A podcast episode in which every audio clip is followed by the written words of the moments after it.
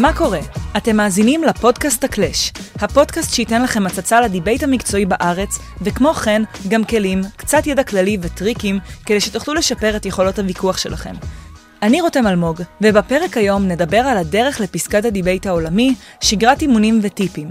בנוסף, נדבר על בינה מלאכותית שעושה דיבייט, איך היא עובדת, ולמה אנחנו צריכים רובוט שיביס אותנו בדיבייט. כדי לדבר על כל הנושאים האלה, הגיע דן להב, ה-CA של אליפות העולם 2021, הדובר המצטיין של אליפות העולם בשנת 2018 בקטגוריית ה-Open, מחזיק בממוצע ה speaks האישי הגבוה ביותר אי פעם לדובר ESL באליפות העולם, והיה בצוותי השיפוט והניהול של תחרויות רבות בישראל ובכל רחבי העולם. אמ, אז, דן, ספר לנו על עצמך מחוץ לעולם הדיבייט. היי רותם. היי. כיף להיות פה. אה, אז מחוץ לעולם הדיבייט, אני מתעסק במחקר של בינה מלאכותית וביואינפורמטיקה, ספציפית. שהוא בעצם גם שייך לדיבייט. שהוא גם שייך לדיבייט. יש לי uh, מחוץ מחוץ לעולם הדיבייט, וקצת מחוץ לעולם הדיבייט. אז כן. מחוץ מחוץ לעולם הדיבייט, המחקר שלי מתעסק בדברים שקשורים למה שנקרא meta-research, תעדוף בין uh, שאלות למפות חוסר ודאויות בעולם של ביולוגיה, זה לא קשור לדיבייט. Mm-hmm. אבל יש גם מחוץ קשור לעולם הדיבייט, וזה שאני מתעסק במחקר של בינה מלאכותית בתחום שנקרא ארגומנטציה חישובית, שזה תורת הארגומנטציה, תורת הטיעונים, ולנסות להבין איך אפשר ללמד מחשבים לעשות אה, דברים שדומים לזה. אז זה קשור לעולם הדיבייט. בנוסף, אני גם מרצה לאתיקה באוניברסיטת תל אביב, mm-hmm. ויש לי גם consultancy שקשור לדיבייט, שאחת לכמה זמן מעביר ייעוץ למוסדות בינלאומיים, לחברות, לממשלות וכן הלאה. מה, בנושא של דיבייט? בנושא של דיבייט. כן. מה מעבירים נגיד לממשלות בנושא הזה? אז uh, חלקן רוצות לבנות uh, תוכניות uh, לימוד רחבות היקף, רובן אבל תופסות דיבייט ככלי לחשיבה ביקורתית. Mm-hmm. אז זה הרבה פעמים הבנה של איך אפשר לחשוב על זה ככלי לחשיבה ביקורתית. אחת לכמה זמן זה ממש אימון של אנשים ספציפיים שרוצים לדעת, זאת אומרת נניח פקידים בכירים, דיפלומטים בכירים וכן הלאה, ולפעמים זה גם להבין איזה תגובה צריך, או מה לעשות בשביל אסטרטגיה של תקשורת של דברים מסוימים. בהנחה שיהיה מישהו שהולך אה, לאתגר אותה. ובארץ יצא לך לייעץ על זה למערכת החינוך בנושא? בארץ לא. בארץ לא. זה מורגש. אמ, טוב, אתה אחד הדיבייטורים הטובים בעולם. זה מוזר להגיד את זה אפילו, אבל, אה, אבל זה די מטורף. והאמת שרציתי לשאול, איך בכלל הכל התחיל? כאילו, באיזה שלב זה פשוט, זה פשוט קורה ואתה פשוט נהיה הכי טוב בעולם? אז שאלת כמה אחורה אנחנו רוצים ללכת. אהבתי דיבייט מאוד מגיל אה, צעיר מלראות את זה בסרטים וסדרות וכן הלאה. כל, כל פעם שהיה אה, סצנות של אה, דיבייט הנשיאותי בכל מיני סדרות טלוויזיה או בסרטים, אז תמיד ההתלהבות שלי הייתה גבוהה מגיל צעיר. בדיעבד שאני מסתכל על הדיבייטים האלה, הם מביכים ונוראים אחרי שעושים דיבייט, אבל עדיין כילד קטן מאוד אהבתי את זה. הגעתי לזה קצת במקרה באוניברסיטה. ביום הכוונה שלי לתואר, מישהו השאיר את העלון של אגודת הסטודנטים לידי. והוא היה הפוך, והיה שם פרסומת למועדון הדיבייט, ואז אמרתי, אה, זה יכול להיות נחמד. וואו. ואז הצטרפתי, כן, משם השאר היסטוריה.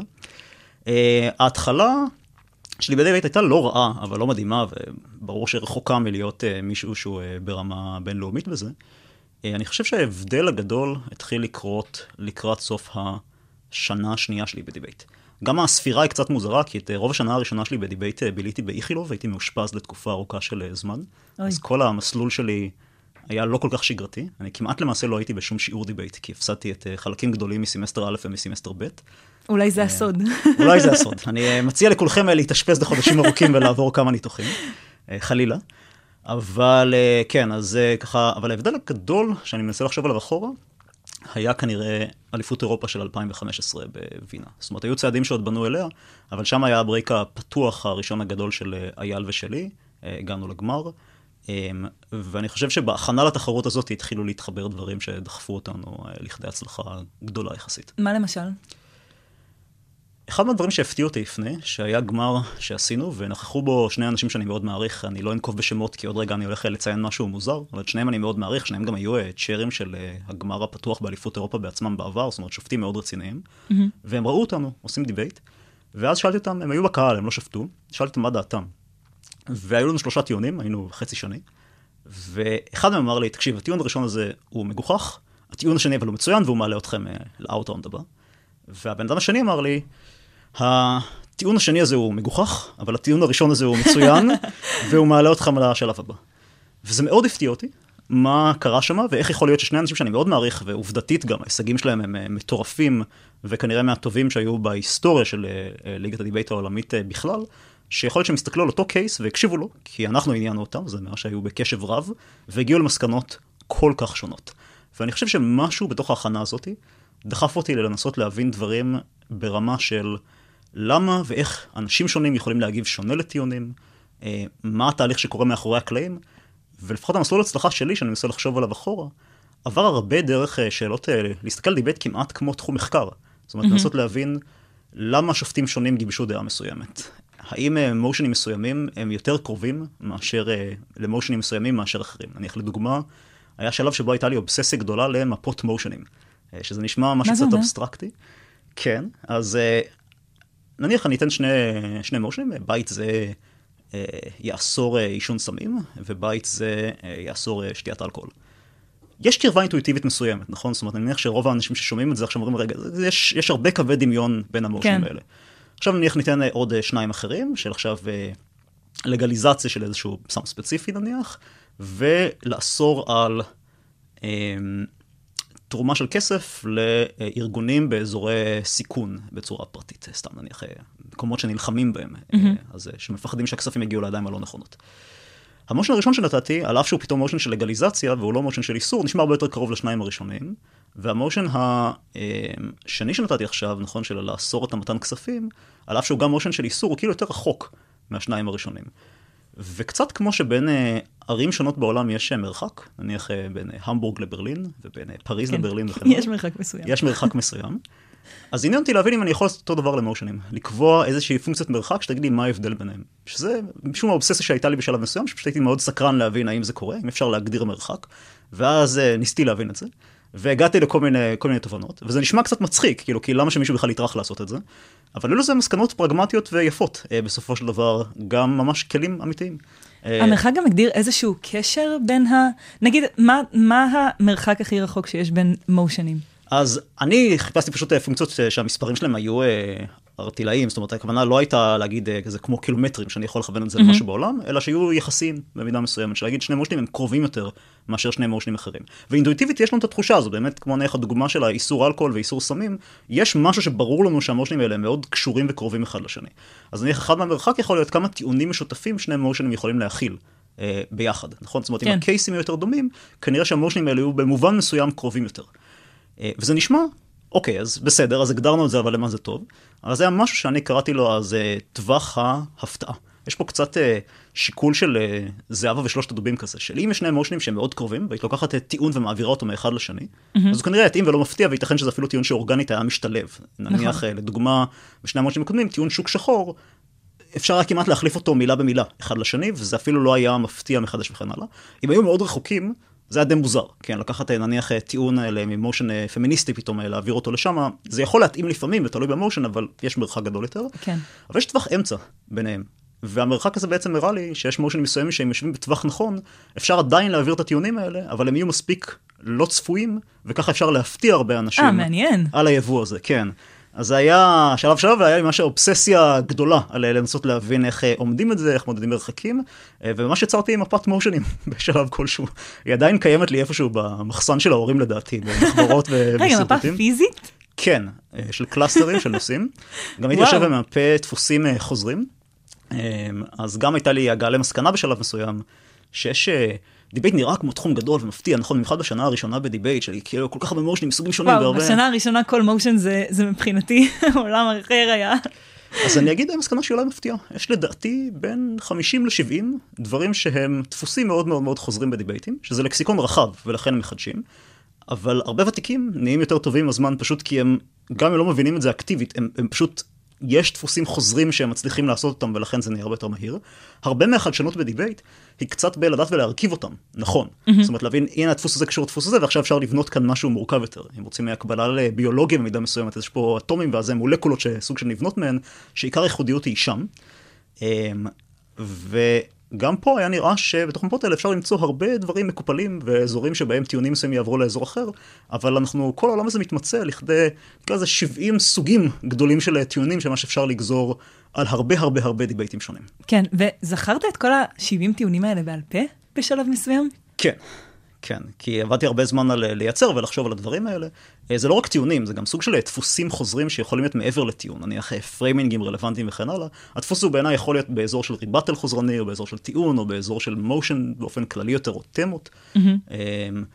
אבל כן, אה, ואז זה פשוט חסך המון זמן, אפשר היה מאוד מהר אה, להבין, אוקיי, הטיעונים האלה רלוונטיים בהקשר כזה או בהקשר אחר, ועליהם לבנות מבנים הרבה יותר מורכבים. להבין איך מחברים אותם, להבין מה הטיעונים הכי טובים שאפשר לבחור בהינתן נושא, אה, לזרוק ולהחליף אותם מאוד מהר, אה, אבל זה היה חלק מתוך המאמצים של להגיד, לחשוב על דיבייט קצת כמו מחקר. בכלל, כמה טיעונים יש בעולם? שאלה שלדעתי הרבה אנשים לא חושבים עליה, אבל אה, אפשר אולי להגיד שזאת כמות סופית. אם כמות הטיעונים, הנושאים בעולם היא סופית, אז יכול להיות שגם כמות הטיעונים. Mm-hmm. אז תאורטית אפשר היה למפות את כולם. אגב, זה, היא לא בהכרח סופית, יש כאן שאלה פילוסופית על איך מגדירים טיעון ואיפה הגבולות עוברים. כן. אבל אה, אפשר בהינתן זה לחשוב על לא מעט דברים.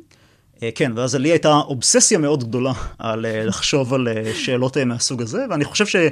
בדיעבד, היא, היא בזבזה לי לא מעט זמן, אבל גם הובילה אותי אולי למסלול דיבייט קצת חריג. בדיוק, למעשה גם עכשיו אתה סוג של עוסק בדיבי, במחקר של דיבייט.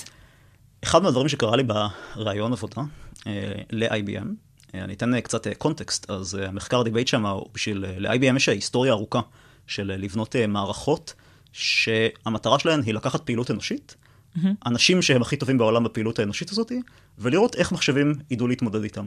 הכי מפורסמת בהיסטוריה זה כנראה הקרב של Deep Blue מול קספרוב בזמנו בשחמט. כן. יש גם את uh, ווטסון, uh, שזה כבר עשור אחורה, uh, שזה היה בג'פרדי. טריוויה או משהו?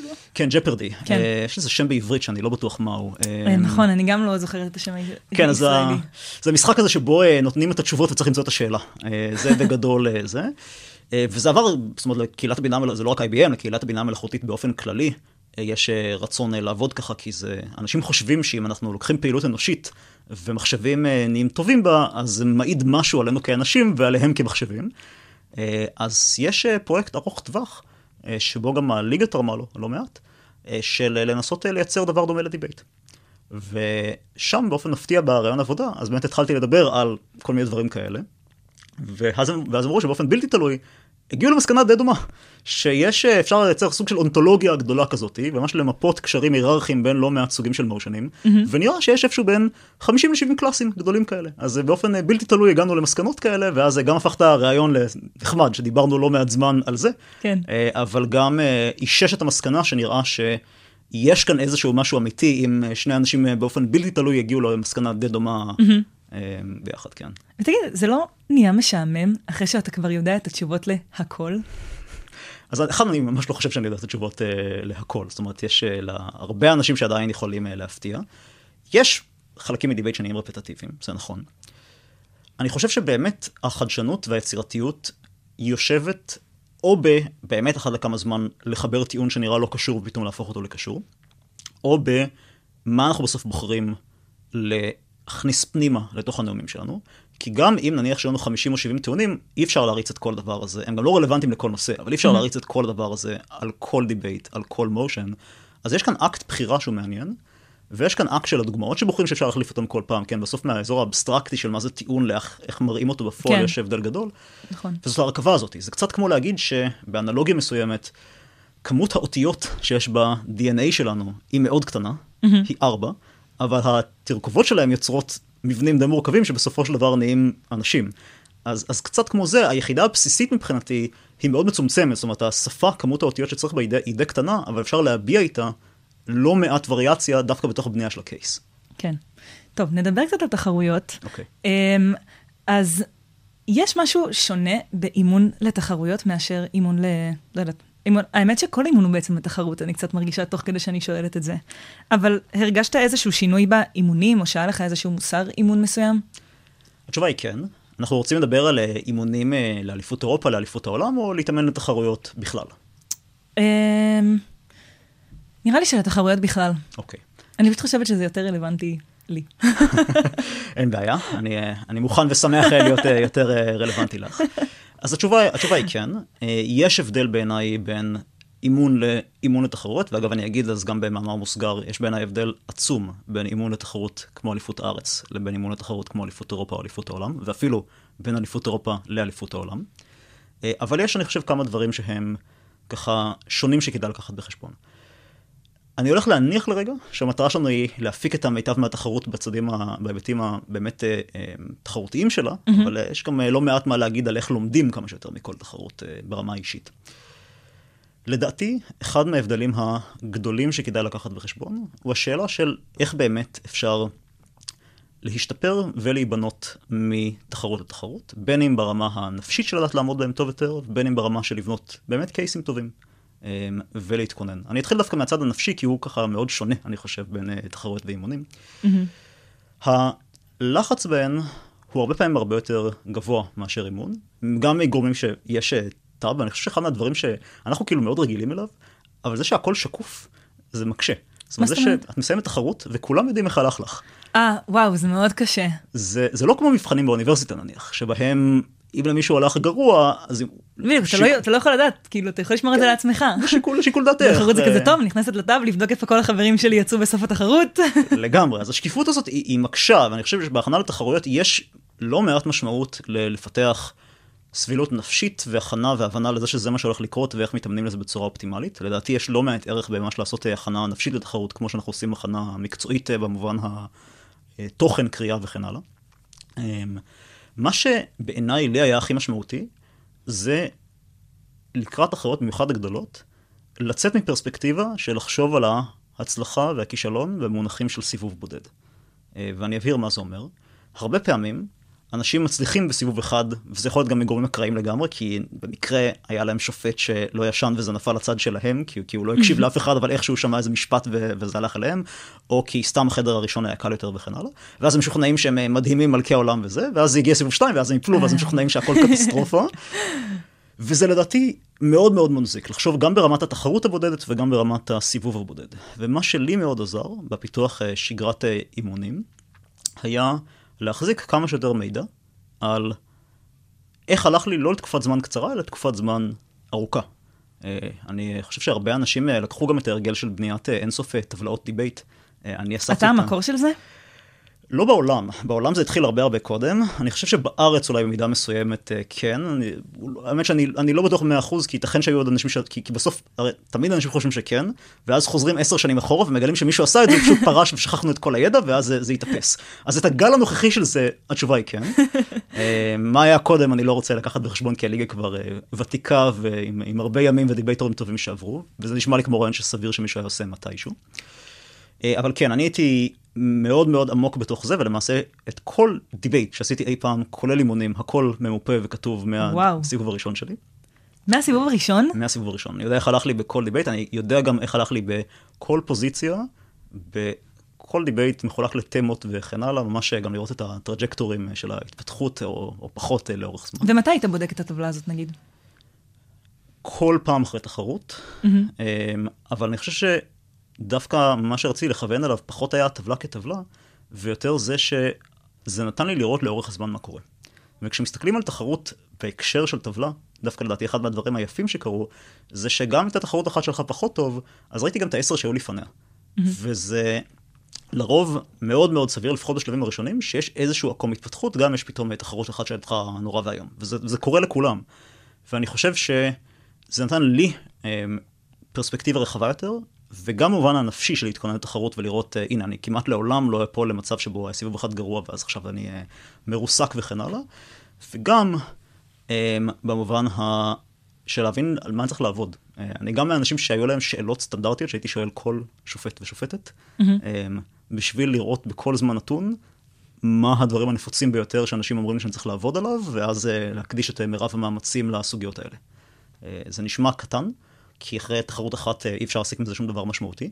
אבל אם אה, אומרים לך עשר פעמים ברצף שאיבדת את הנקודה בגלל ריבטל, אז uh, כנראה שכדאי מאוד מהר לעבוד על יכולות הריבטל.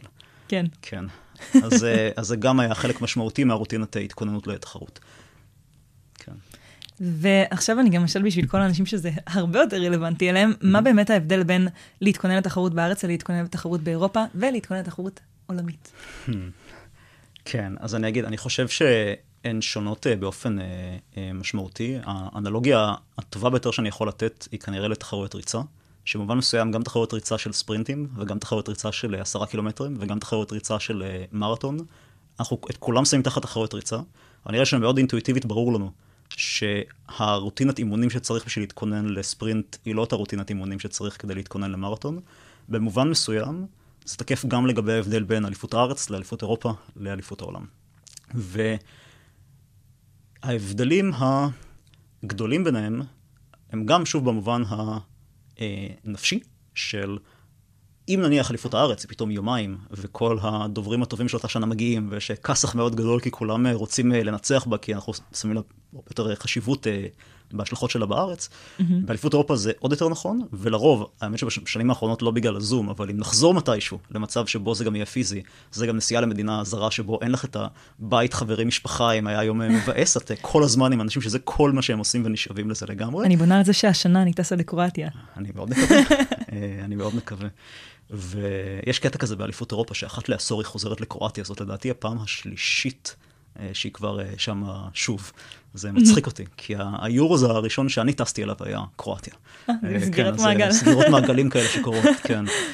אז כן, אז, אז אני חושב שההבדל בצד הנפשי ביניהם הוא, הוא משמעותי, ואליפות העולם, בין סיבוב אחת לגמר יש שמונה ימים. זה המון דיבייט. וואו, זה כל כך הרבה זמן. זה המון זמן, זה להישאב לזה לגמרי. אני חושב שבאזור היום השני, יש אובדן פרספקטיבה מוחלט, כי כל מה שכולם עושים זה לדבר על דיבייט. זה מצד אחד מאוד כיף ומכר, כי אין צרות בעולם יותר. כאילו, יש צרות, אבל מדברים עליהם במושנים, אבל דברים אמיתיים כמו איך הלך בתואר, וראיונות, בדיוק, וזה, זה פשוט עולם אחר. זה מתפוגג ונשאבים לזה, זה ממש inception כזה, שזה העולם, זה מרגיש שזה הגבולות גזרה שלו, ובאליפות העולם זה ממש ממש ככה.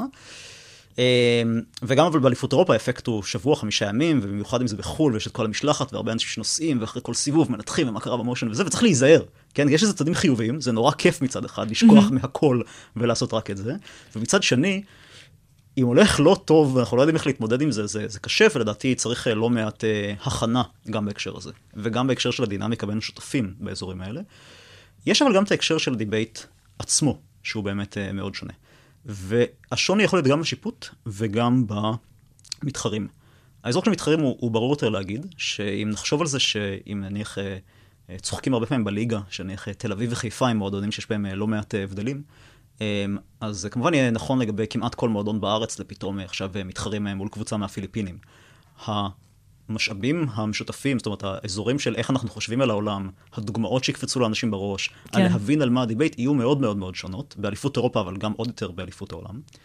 וזה יכול לייצר מצב שבו אנחנו פתאום מגיעים לחדר, וההקדמה, זאת אומרת, המנגנון אפילו, יהיו ממש לא מה שציפינו. אה, כי הצוות מנסה להכין את זה שאפשר יהיה לדבר, שה motion הזה יהיה רלוונטי להמון המון המון זירות שונות, וזה פתאום יכול לשים אותנו במצב שבו יש פחות יציבות, כי... קרה שם משהו שהוא, בכלל לא חשבנו שעל זה יכול להיות הדיבייט. יותר מזה, גם זה ספציפית לאליפות העולם, יש הרבה קבוצות שמגיעות מסרקטים שאין להם שום תרבות דיבייט. אה, ישראל היא ברוכה בהקשר הזה, אנחנו כנראה, ואפילו לא כנראה, יש לי את הנתונים העדכניים של אליפות העולם, אה, הליגה עם הדחיסות שיפוט הגדולה בעולם. זאת אומרת, כמות הצ'רים לנפש בישראל היא כנראה הכי גדולה. אה, והתרבות דיבייט כאן, אין, אין אף אחד שיגיע לאליפות העולם בלי שהוא עשה תחרות לפני זה.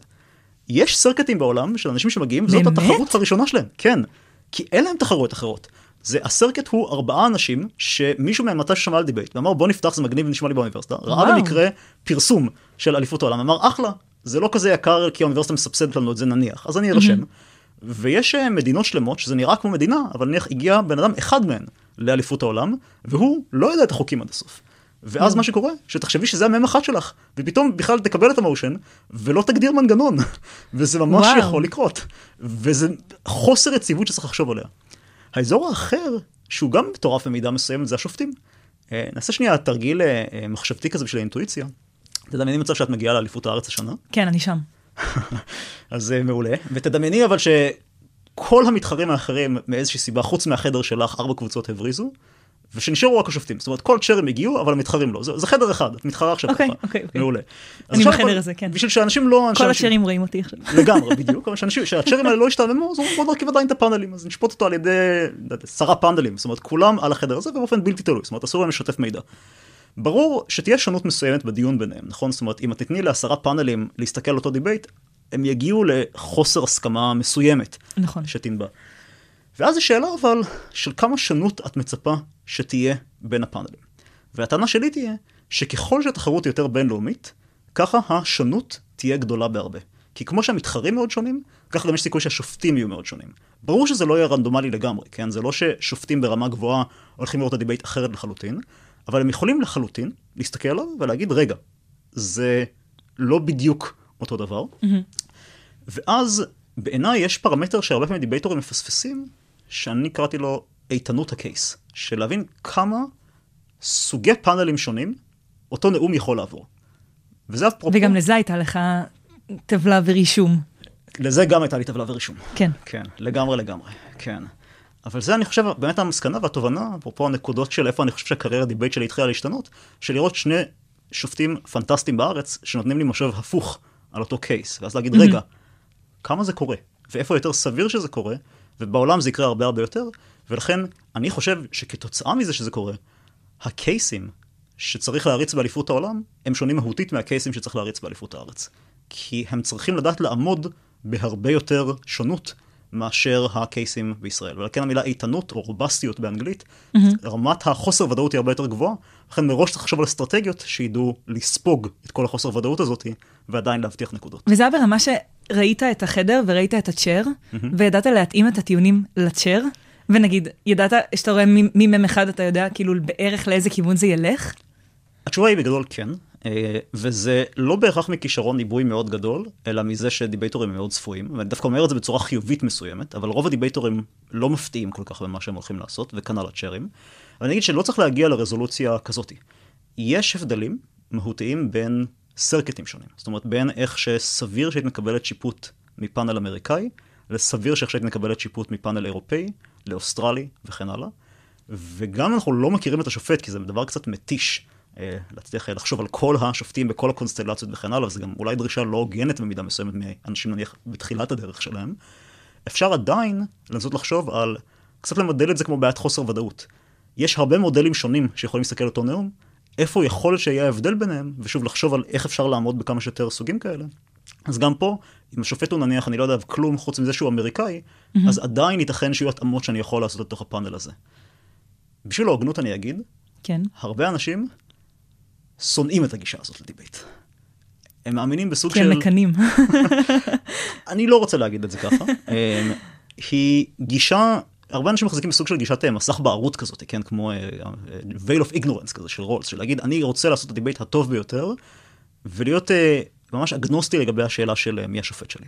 לדעתי, בכל אחת מהקצוות, הגישות האלה לא טובות. זאת אומרת, בין אם גישה של להגיד, אני, לא, אני רוצה להתעלם לחלוטין מהתאמות לשופט, ובין אם יש להגיד, אני, אני רוצה רק לשחק את החדר שבו אני נמצא. כן. הן שתיהן בעייתיות בצורות שונות. אבל כן, הרבה אנשים כן מחזיקים בגישה הזאת, אז למען ההוגנות צריך לשקף את זה. אז uh, על uh, מה שנקרא proceed with caution, למי שרוצה להשתמש בעצות uh, בהמשך הראיון שיהיו באזור הזה. Um, אבל כן, יש לא מעט פעולות שאפשר לעשות, גם אם אנחנו יודעים קצת, או בכלל לא, או אפילו קצת מאוד על השופטים שלנו. ברור שככל שיש יותר מידע, ככה אפשר להתאים יותר, ואגב, לא רק על שופטים, גם על קבוצות, כמו שאמרת קודם. ובוא נדבר על אליפות העולם בדרום קוריאה.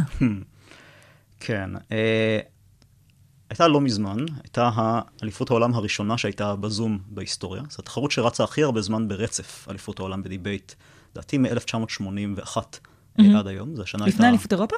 כן, אליפות אירופה, לדעתי השנה הראשונה שלה הייתה ב-99. Mm-hmm. אליפות העולם... אז הרבה אחרי. הרבה אחרי. היא הייתה בפורמטים לא יציבים. בימים הראשונים של אליפות העולם, היה חוק שאומר שאליפות העולם תהיה בפורמט של המדינה שמארחת אותו.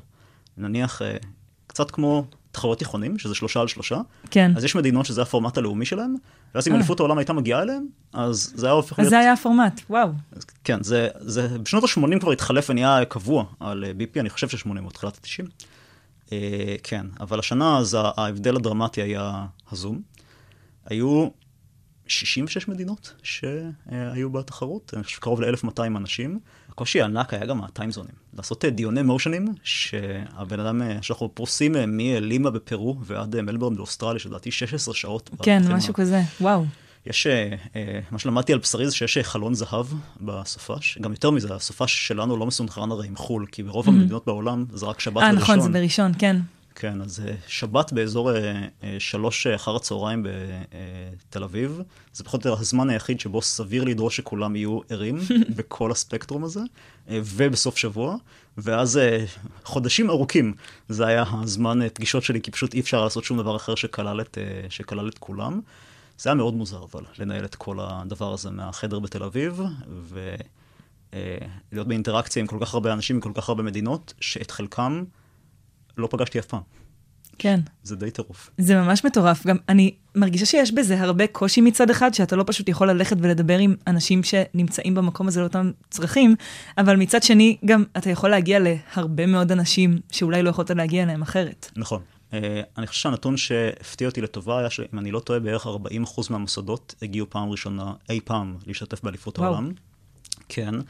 זה אגב גם מייצר, אפרופו מה שדיברנו קודם, קשיים, כי חלקם לא עשו דיבייט אף פעם, ועל כן, זו הפעם הראשונה שבה היה צריך להעביר להם הדרכות על לוודא כן. שהם מסוגלים לעמוד בכל החוויה הזאת. למרות שנגיד היתרון של זה זה שקבוצות שמעולם לא עשו והיו מגיעות, עכשיו יש להם יותר אפשרויות כן לעשות uh, תחרויות. נכון, לגמרי. הזום uh, מכיל uh, הרבה חסרונות, אבל גם המון המון יתרונות, במיוחד באזורים של uh, נגישות, שאפשר בעצם מאוד בקלות uh, להיות בכל circuit בעולם, כן. וגם הרבה אנשים שאין להם כסף לטוס, פתאום יכולים להצטרף. Uh, החיסרון הוא שבמובנים מסוימים החוויה של הדיבייט נעלמת בתוך התצורה נכון. הזאת. כן, זה לא אותו דבר. אני מניח שעכשיו אנשים ששומעים את זה בארץ, שהיו ג'וניורים שנה שעברה ופתאום חזרו לאימונים פרונטליים, מרגישים... וואו, זה עולם אחר לגמרי. זה עולם אחר, מבחינתי זה כזה כל תחרות פיזית, טוב, אני חייבת ללכת. אין לי מושג במוזיקה הזו, אבל אני חייבת להיות בתחרות, כי זה לייב. פתאום... זה להרגיש קצת, אתה יודע, פתאום אנשים קמים לך ל-POI, אז כזה, מה זה החוצפה הזאת כן. שהם קמים מולי באמצע הנאום? מה, בטק אופן זו הייתה התחרות הראשונה שלי בשנה של הג'וניורים, אחרי שהייתי אך ורק בזום. זה בערך הייתה הפעם השנייה שעשיתי נאום בלייב, ווואו, כל פעם שמישהו קם ל-POI הייתי כזה, רגע, חכה שנייה, לא עכשיו. ולא יודעת, זה כזה מסיח את הדעת, אבל גם אז היו נגיד שיחות אחרי הסבב, שהייתי כזה, וואו, אני מדברת עם האנשים שהיו איתי עכשיו בסבב, על הסבב, אנחנו לא אויבים, אנחנו חברים בעצם. כן, זו חוויה, זו חוויה מאוד אחרת. אז, אז הרבה ממדים נעלמים כשעוברים לזום, אבל אחד מהיתרונות זה שפתאום, אם היית רוצה לפגוש אה, דיבייטורים מדרום אפריקה, או מאוסטרליה, או מארצות הברית, או ממדינות שהרבה פחות אפשר להגיע להם אחרת, כי כמעט אין להם circuits של דיבייט, פתאום מגיע איזה קבוצה כמו קניה, ששלחה נציגים פתאום לאליפות העולם. Mm-hmm. אז זה נותן אה, טעם של בינלאומיות שלא היה אותו קודם. וזה עתיד מאוד מרתק לראות איך אנשים שונים ניגשים לאותו נושא מכיוונים אחרים לגמרי, עם דוגמאות אחרות לגמרי. אה, אז כנראה, אני מניח שמה שיקרה בסוף זה שהעולם ילך למקום היברידי, שיש בזה דווקא משהו משמח. Mm-hmm. ואיך היה לנהל כזאת תחרות? קשה, אחרי, זה, מה שצריך לקחת בחשבון זה שהתחרות היא, מה שהמתחרים מרגישים, השופטים, זה תחרות של שמונה ימים והזמן הכנה אליה, אה, אבל זה פרויקט של שלוש שנים. התחרות אה, התחילה הרבה לפני התקופה, התקופה הפרה-קובידית של העולם. Mm-hmm. זה היה יולי 2018 שהתחלנו לדבר עליה, או יוני אפילו, וסופית החלטתי שאני עושה אותה בנובמבר 2018. צריך לעבור הרבה דברים, כמו להיבחר על ידי המועצה של אה, אליפות העולם, ואז לקבל אשרור, ואז היה אמור להיות בחורף, אבל הגיעה הקורונה, אז בשביל לעשות וואו. אולי לחשוב שאפשר, זה היה עוד בימים הראשונים של הקורונה, שעוד לא ברור מה קורה, אמרנו, נדחה אותו בחצי שנה. כן, ואז אולי... כבר לא יהיה קורונה יותר בעולם, וכולנו נוכל להיפגש, כן, נעשה דיבייט. הזמנים התמימים של אה, מרץ... עד יום אה, העצמאות לא נהיה בסגר. כן, כן. זה, זה הרגיש קצת כמו אה, עד שהילדים שלך יגדלו כבר לא יהיה צה"ל, אז זה הרגיש... בדיוק, בדיוק. סוג, סוג של משהו כזה, עד אליפות העולם שלך כבר לא תהיה קורונה, אז, אז הייתה. ואי אפשר היה, זאת אומרת, כבר היו חיסונים בקיץ האחרון, אבל הרגשנו שיהיו קוריאנים אם נעשה אותה פיזית, פלוס כמה ישראלים שיכולים לטוס, ועוד כמה, קצת, קצת בריטים, וזאת תהיה כל אליפות העולם, וזה כמובן כן. לא הגיוני. כן, אבל זה היה מאוד מתיש, זאת אומרת, החוויה של להצליח... בכלל מראש להיבחר. אה, אם אני לא טועה, אני חושב שבישראל זו פעם ראשונה שאנחנו שולחים CA לתחרות, ויש לזה סיבות היסטוריות פוליטיות למה זה קרה. אני מקווה שאני לא מפספס אף אחד בהיסטוריה וחלילה שהעלמתי אה, הישג של מישהו אחר, אבל אה, יש לזה סיבות פוליטיות והיסטוריות, אז היה מאמץ די קשה בכלל להגיע לזה, אבל אז אחרי זה, אה, כמות השעות של להתמודד עם המועצה של אליפות העולם הייתה... יותר ממספיק לדעתי 100 אנשים אה, של לעמוד מול הגוף הזה ארבע או חמש פעמים. אה, החלקים החווייתיים אבל היו באמת אה, לקחת נושא ולשמוע מה אנשים שונים הריצו עליו. זה סוג של קצת כמו לצייר עם הקנבס הכי גדול בעולם, כן? זה לקחת uh, מה שדיברתי עליו עם uh, חברים בשיחה, ולשלוח את זה לקבוצה של uh, אנשים מאוד אינטליגנטים מ-60 ומשהו מדינות, ולראות מה הם יודעים לעשות עם זה. והדבר הכי כיף שיכול לקרות זה שפתאום מישהו מהם חשב על זווית שהייתי מפספס. למרות שאנחנו חודשים חופרים בכל רעיון ובודקים ומשווים וחושבים מה יקרה ואיך אפשר לשבור את המושן ואיך מאזנים אותו, פתאום מישהו מביא משהו יצירתי וחדש לגמרי, זה הדברים הכי כיפים. מה, בכל החדרים היו את הצ'רים, ואז ברגע שמישהו עשה משהו שלא חשבת עליהם, הוא כזה שלח לך, תקשיב דן, מישהו עשה פה משהו חדשני, אתה חייב לשמוע. אז אנשים מדווחים על דברים שהם, אה, אנשים מדווחים על הקצוות בדרך כלל, על דברים אה, נוראים שקרו בחדרים שלהם, או על פתאום אה, דברים אה, מאוד, אה, מאוד מחדשים, פרספקטיבות מיוחדות וכן הלאה. אז כן, זה, זה מאוד כיף שמשהו כזה קורה. זה בכלל מטורף פתאום לחשוב על זה שאת סתם מדברת עם אנשים על רעיון, פתאום מלא אנשים מתכוננים ואז הם עושים אותו, ואז זה רץ על ידי מאות אנשים שחושבים עליו עם מלא זוויות שונות. ממש, אז... גם לקבל בטח ביקורת על מושן נגיד שבחרת, ובטח תמיד יש ביקורת על מושן, גם שיש כל כך הרבה, אז זה גם בטח כזה, הם לא הבינו בכלל למה התכוונתי ולאן כיוונו אותם. אני חושב שאני רגיל. עברתי כבר את הטבילת אש הזאת, אי אפשר להריץ תחרות בכלל, אבל במיוחד תחרות גדולות, בלי שמישהו יהיה מאוד עצבני עלייך בשלב מסוים. מאוד מאוד מאוד עצבני אפילו, ברמה של uh, לפתוח דום ת'רדס ענקים של uh, שם את המושן הזה כי את uh, גזענית ולא מבינה את הקהילה וככה וככה וככה, אז אי, אי, אפשר, אי אפשר להתחמק מזה. Uh, כן, אז אני חושב שבשלב שכבר הגעתי לאליפות העולם, זאת הייתה התחרות הענקית השישית שעשיתי, אז כבר נפשית הייתי מאוד מוכן לזה שאנחנו mm-hmm. הולכים לעבור את זה. Uh, אבל... בסדר, זה the cost of doing business במידה מסוימת. כן. אמ, טוב, בוא נדבר על פרויקט דיבייטר. Hmm, בשמחה. טוב, אז פרויקט דיבייטר הוא, כמו שעוד מעט בטח תסביר, אמ, בעצם מערכת בינה מלאכותית שעושה דיבייט. לפני הכל, ולפני שנתחיל, אני, אוקיי, אני קראתי כמה כתבות מן הסתם, כי רציתי כזה להתכונן, אני רוצה לדעת לקראת מה אני הולכת, ותוך כדי שקראתי הייתי כזה, למה אנחנו צריכים אה, רובוט שיהיה יותר טוב מאיתנו בדיבייט? אז אה, קצת כמו שאמרתי קודם, אה, זה מסורת רבת שנים בקהילת הבינה המלאכותית, לקחת פעילות אנושית ולנסות לראות איך מחשבים ידעו להתמודד איתה. אה, כבר אפשר אפילו לחזור עוד לפני השחמט לנניח ששבש, שהיה עוד אתגר מה-50's אם אני לא טועה. והסיבה שאנחנו עושים את זה, זה כי אנחנו באמת חושבים שאם מחשב יצליח לעשות משהו, אנחנו יכולים להבין גם דברים על עצמנו בתהליך וגם דברים על לאן הגענו. זה סוג של yardstick כזה, של להגיד, אם עכשיו הצליח לעשות את הפעילות הזאת, זה אומר שבעצם עברנו איזשהו סוג של רף התפתחות ואבולוציה. וגם זה נותן, זה נקרא grand challenges, זה המסורת הזאת של אתגרי ענק, שאם מסמנים אותם, אז פתאום כל הקהילה מתגייסת ורואה ומשווה, וזה נותן איזשהו סוג של benchmark להשוות מולו. אז זה במובן ה... של למה בכלל יש תמריץ ללכת לשם מראש. Mm-hmm. במובן של למה העולם צריך דברים כאלה. זאת שאלה טובה, כי האפליקציות של זה עוד לא ידועות. אה, בשנים האחרונות, אה, כקונטקסט, קורית מהפכה די גדולה בכל התחום של כניסה של בינה מלאכותית לפעילות השפה והכתיבה. זאת אומרת, שנים אה, התחום שנקרא Natural Language Processing התחיל להתחמם והגיע להישגים מאוד יפים. בשלוש-ארבע שנים האחרונות הוא מתפוצץ מהרבה כיוונים שונים. אה, אולי הדוגמה המפורסמת ביותר היא מערכת שנקראת אה, GPT-3, שצריכה לעשות כל מיני הדגמות כאלה, כמו אה, לכתוב על עצמה כתבות לעיתונות, ואז שאנשים mm-hmm. קוראים את הכתבה השלמה שמדווחת על הפיתוח הזה בבינה מלאכותית, ואז בסוף יש את הדיסקלמר שאומר, אני כתבתי כאילו משהו כזה. בינה מלאכותית כתבה את זה יפה. נכון. אז, אז יש לא מעט התעסקות עם זה, יש איזה אפליקציות שיכולות להיות משמעותיות לעולם, גם מעבר לרמה התיאורטית של להבין מה זה אומר עלינו לאנשים. לדוגמה, אנשים שרוצים להריץ מדיניות. אה, ייתכן שזאת דרך שתדע לעזור להם כדי להצליח להבין את דעת הקהל יותר לעומק. אה, אחרי האירוע הגדול שהיה עם המערכת בסן פרנסיסקו בזמנו, מול הריש, שזה ככה, אני חושב מה שרוב הקהילה נחשפה אליו, היה גם אירוע קטן יותר שלא קיבל הרבה תקשורת, כי היה סגור, אני חושב, בשוויץ, בעיירה שנקראת לוגאנו, שהיה שם באמת ויכוח על פוליסי אמיתי mm-hmm. של מכוניות אוטונומיות בעד ונגד. ואז הם אה, לא רצו להגיע להצבעה, כי הם חושבים שזו הצבעה בינארית, אפשר לשאול בעד או נגד, זה לא מכיל את כל השיקולים של להגיד למה אנשים תומכים. Mm-hmm. ואז אה, הפעלנו כלים דומים של לדעת לאסוף ארגומנטים מהקהל של העיירה הזאת, ובטאון הול שלהם הם באו, ואז שם, הם הכניסו טיעונים, המערכת אספה את הטיעונים מכולם, יצרה מזה נאום בעד ונאום נגד, היא ממש השתמשה במה שהקהל נתן לה, ואחרי שהם שמעו את הנאומים, היו צריכים להצביע אם רוצים את המדיניות, כן או לא. אז יש, יש אפליקציות בעולם האמיתי שיכולות להיות משמעותיות אמיתיות בקבלת החלטות ברפואה ובדברים כמו משפטים, וגם כבר יישומים אמיתיים שקורים באזורים דמוקרטיים של מדיניות ציבורית.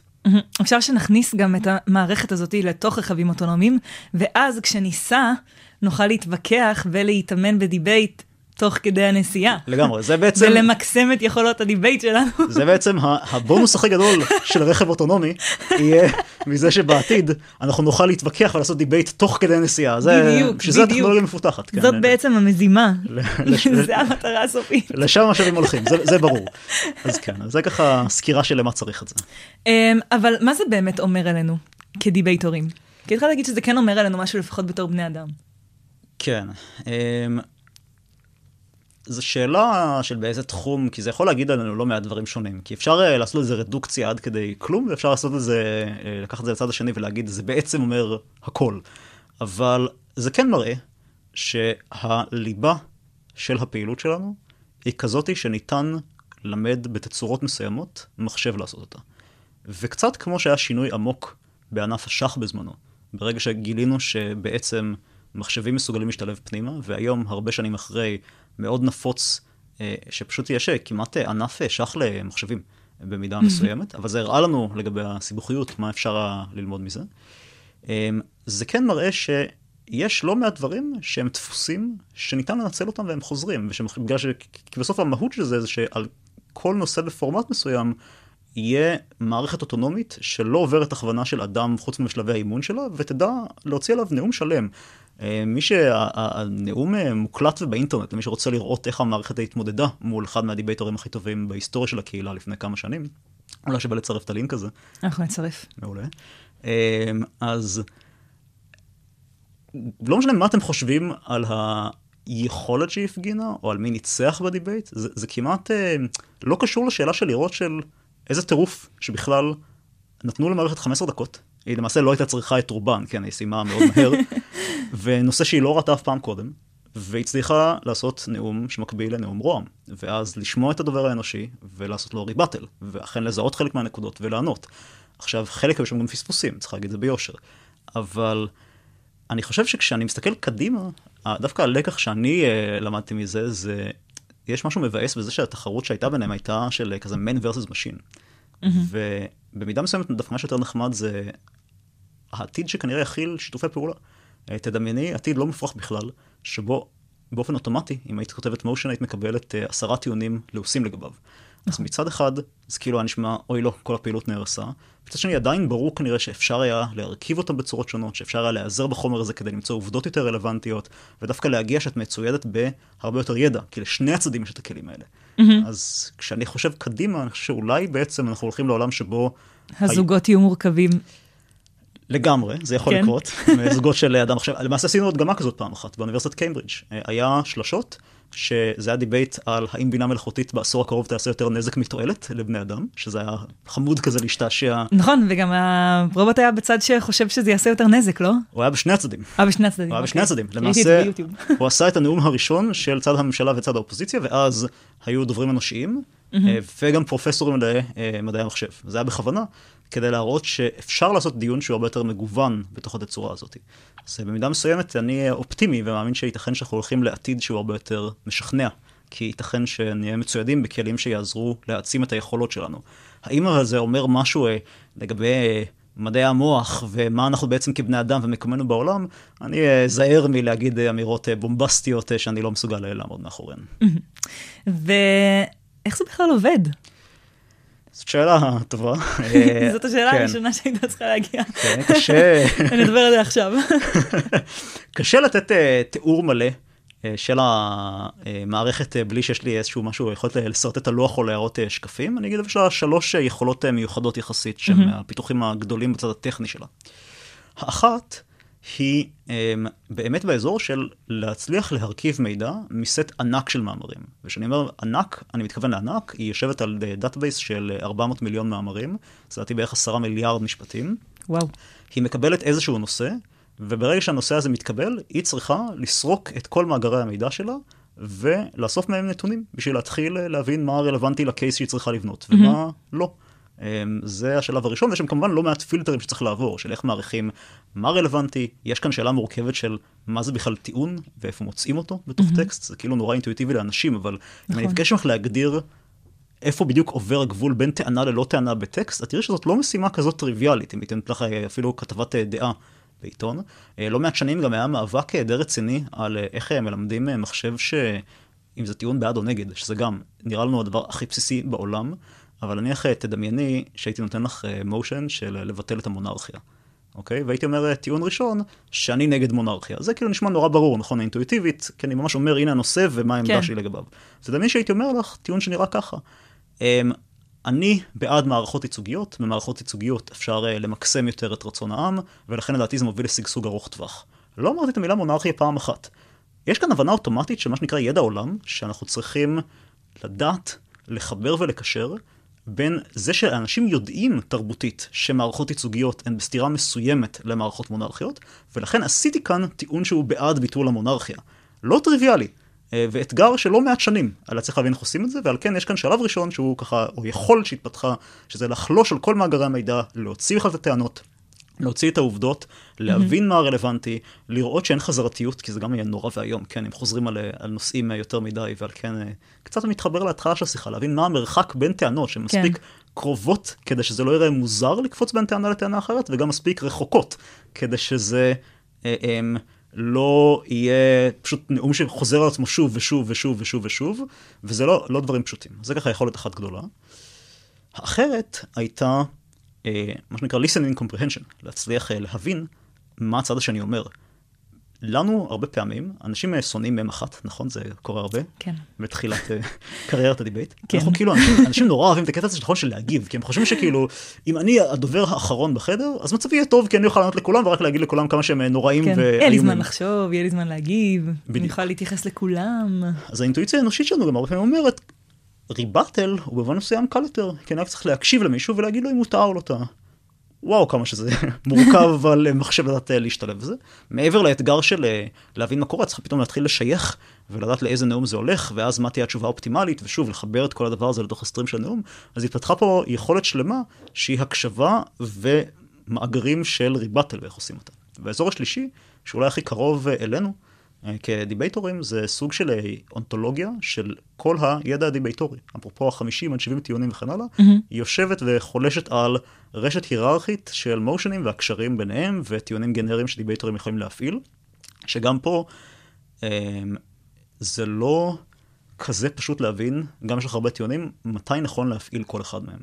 יש דוגמה שהמדען הראשי שלנו מאוד אוהב, אפילו חוזרים לסוגי מושנים שאמרנו קודם, שנניח לאסור אה, אה, אלכוהול ולאסור אה, מריחואנה. Mm-hmm. אז בשניהם אפשר לשים טיעון שוק שחור, נכון? די חזק אפילו לצד כן. הממשלה. ואז אפשר עכשיו באופן נאיבי, שבעצם יש מושן שמכיל את המילה בין או איסור, אז אפשר לשים טיעון שוק שחור. הדוגמה החביבה עליו הייתה שנניח שהמושן היה, בית זה יאסור הנקה בפומבי. זה היה מאוד מוזר, אם מישהו היה אומר, ייווצר אה, שוק שחור של חלב אם אה, כתוצאה מזה, אה, באופן פומבי. מעניין, יצירתי. נכון, ואז יש כאן איזושהי שאלה אונתולוגית כזאת על, יש דפוסים חוזרים, אז אנחנו מאוד רוצים אולי לנצל אותם, אבל לא טריוויאלי להבין בכלל מתי הגיוני להפעיל אותם. אז יש למערכת ממש מסד ידע שהוא לא סתם מאמרים באופן כללי, או יכולת הקשבה באופן כללי, אלא שהיא ממוקדת על. מה שנקרא הדומיין של הדיבייט, ויודעת אה, להבין מתי היא יכולה להפעיל כל אחד מהחלקים האלה. אז ביחד אה, משתלב אה, לתוך נאום שלם. והפרויקט כבר מושלם? אז השאלה של מה את אומרת מושלם. מושלם זה הגדרה קשה. הפרויקט לא עובדים כרגע על לנסות למצוא מערכת שתמשיך להשתפר בתוך הכיוונים האלה. הוא סוג של פורק למרכיבים ומנועים שהיו מאוד רלוונטיים, ומנוצלים בכלל use cases אה, קצת אחרים. Mm-hmm. נניח לדוגמה, יכולת שהתפתחה קצת אחרי האתגר שם הייתה מה שקוראים להם key point analysis, שהוא אה, יודע, קצת בדומה למסכמים, מצליפים שלנו, mm-hmm. לעבור על הרבה מאוד תוכן ולסכם אותם לתת נקודות כמו קלאשים. וזו יכולת שהתגלתה כמשמעותית בעולם האמיתי.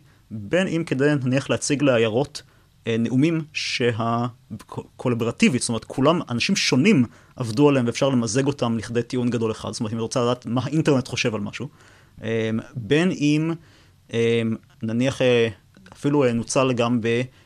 לפני הגראמיז, שהיה שם דיבייטים שהם רצו לעשות, מהקהל, כדי להכריע בסוגיות אה, רבות משמעות, כמו אם אה, בילי אייליש, שהיא אייקון האופנה הגדול בהיסטוריה וואו. של קהילת המוזיקה.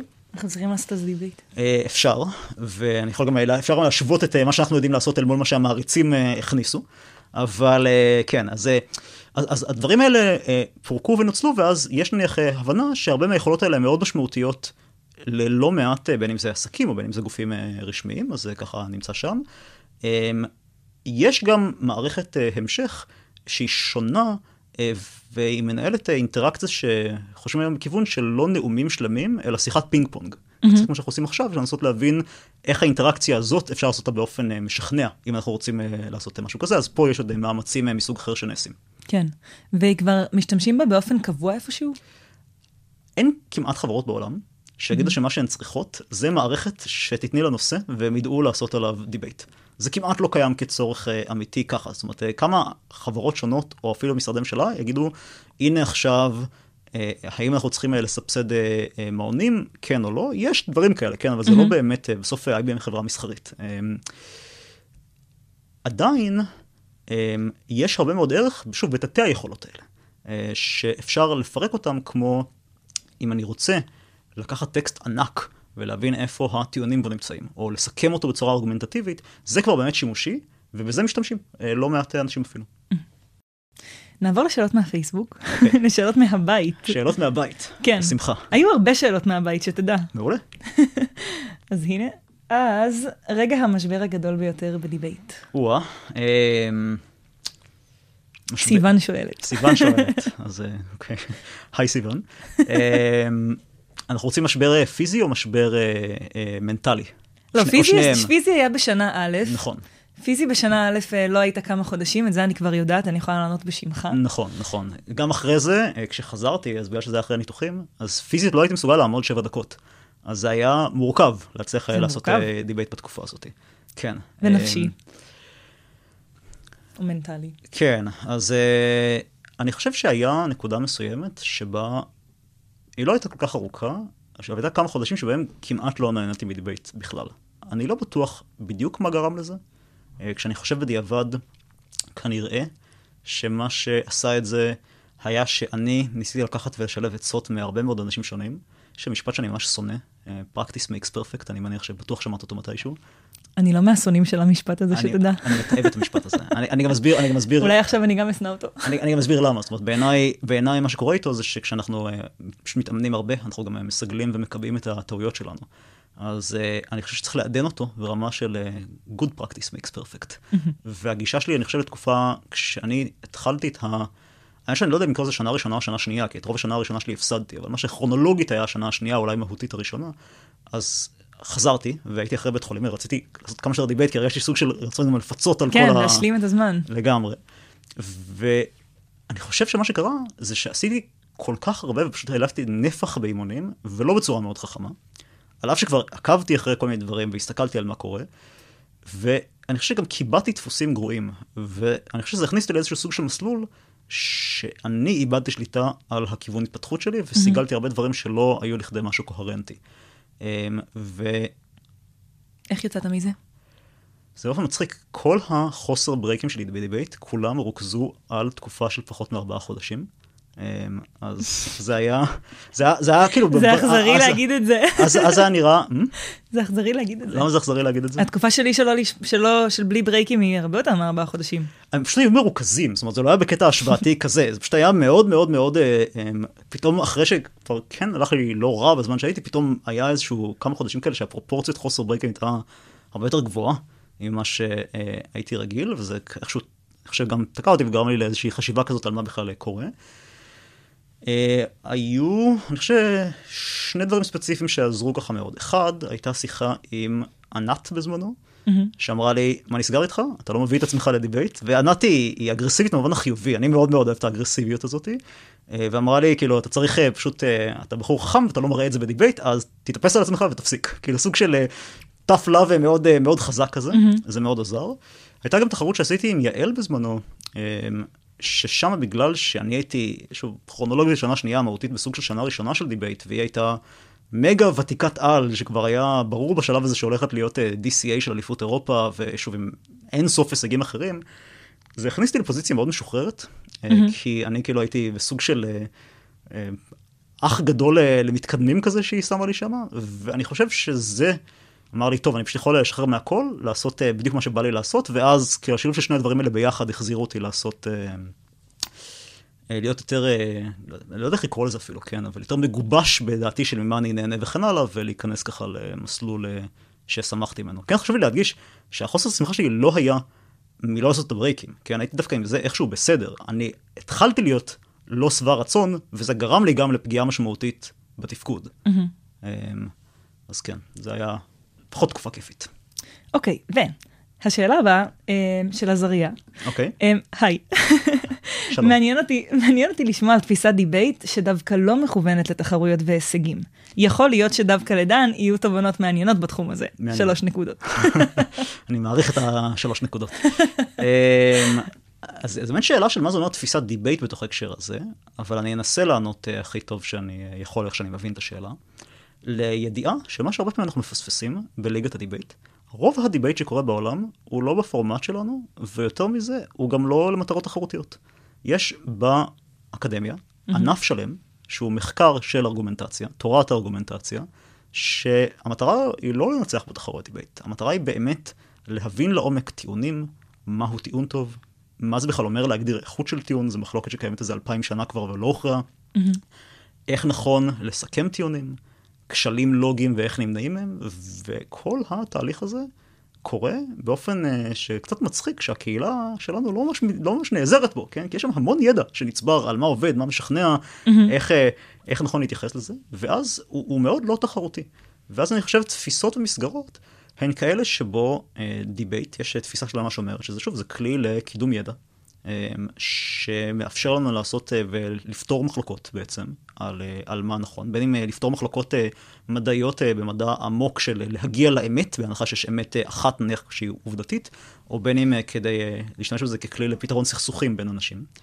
ויש פה עולם שלם וגדול וענף של תפיסות כאלה שקיים, ואנחנו לצערי, קצת בליגה לא רק בארץ אלא בעולם, כן. לא שואבים ממנו. וזה חבל. ואיך מגיעים אליו? אז אחד, אפשר לדבר איתי מי שרוצה אה, לינקים מאוד ספציפיים, אה, שאפשר אה, להתחיל על איך קוראים על העולם הזה, יש גם ספרים וגם לא מעט ספרות אקדמית. שתיים, זה אפשר פשוט להתחיל גם לחפש דרך מאמרים שאנחנו הוצאנו בקבוצה על מערכת הדיבייטר, אז חלקם עושים רפרנסים לדברים mm-hmm. מתוך תורת הדיבייט האקדמית יותר. אבל אה, זה, זה כנראה נקודת ההתחלה. אולי מתישהו צריך אה, לארגן סדנה ליגתית על oh. היכרות עם העולם הרחב של דיבייט אקדמי במובן הבאמת... אתה חותם על הסדנה הזאת עכשיו. אולי, אולי אני צריך לבקש להוריד בעריכה את החלק הזה בפרק, כן. אז, ממש שנייה לפני הסוף, האם יש משהו נוסף שתרצה להוסיף? כן. כמו שאמרתי קודם, ישראל היא חריגה בעולם, זאת אומרת, הליגה הישראלית קשה להבין למעשה עד כמה אנשים ששייכים אליה הם בני מזל. מבחינת דחיסות אה, כישרון אה, פר אדם, אנחנו יוצאי דופן, וזה לא אמירה סתמית. זאת אומרת, זו אמירה מלהסתכל על הנתונים האחרונים של לראות את אה, כל המדינות ששלחו לאליפות העולם, ולנתח לעומק את הנתונים של מאיפה הגיעו השופטים שלנו, עד כמה הם התקדמו וכן הלאה.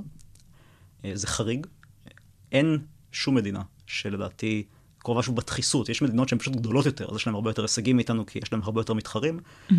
וגם במגוון הפנימי שיש בתוך ישראל. אה, באופן אה, אישי, אה, אז זאת אומרת, כל ההישגים שלי גם הגדולים היו ביחד עם, עם אייל, כמעט כולם, וגם חלקים גדולים מההתפתחות שלי הייתה בזכותו, אבל גם לי חשוב להגיד שכשאתם נמצאים בתוך ליגת הדיבייט הישראלית, אל תיקחו את מה שקורה פה בתור דבר מובן מאליו, ובאמת תנסו להפיק כמה שיותר מהאנשים שנמצאים לידכם וללמוד מהם, על אף שהמקצוע שאני מתעסק בו הוא מאוד מאוד פרקטי.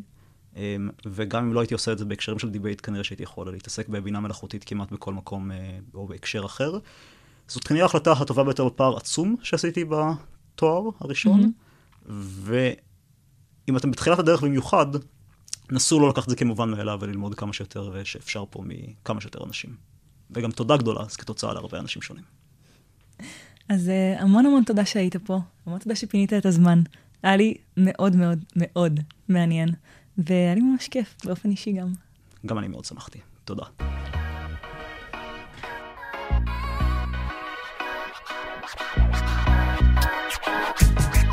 עד כאן הפרק שלנו להיום. אני רותם אלמוג. אפשר להאזין לנו בספוטיפיי ובאפל פודקאסט. אם יש נושאים שבוערים בכם, שמרגישים לכם חשובים ואף אחד לא מדבר עליהם, אתם מוזמנים ליצור איתנו קשר דרך הפייסבוק. פתחנו דף לפודקאסט שגם הוא נקרא הקלאש, בו אפשר לקבל מידע אודות המרואיינים ולשאול אותם שאלות. תודה גדולה לדן להב שהיה פה היום, תודה לעמיחי אבן חן על העזרה והליווי המקצועי, ונתראה בפרק הבא.